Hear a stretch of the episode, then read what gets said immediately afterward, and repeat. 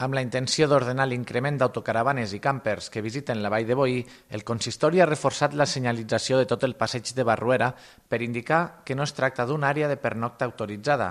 I és que hi ha hagut dies que aquest estiu en aquest punt s'hi han retirat fins a una cinquantena d'aquests vehicles. Cal recordar que l'àrea de Barruera sí que permet l'estada des de les 8 del matí amb servei per al buidatge d'aigües grises i presa d'aigua.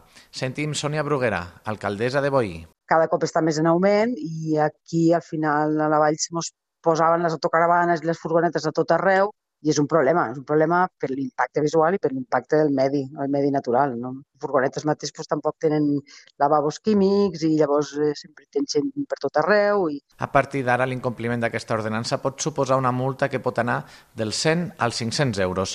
Tanmateix, des del consistori recorda que hi ha zones autoritzades com els càmpings i els indrets habilitats al Pla de l'Ermita i Barranc de Costes, dotades de serveis de lavabos, buidatge d'aigües grises i negres, recàrrega d'aigua i punts de llum i wifi.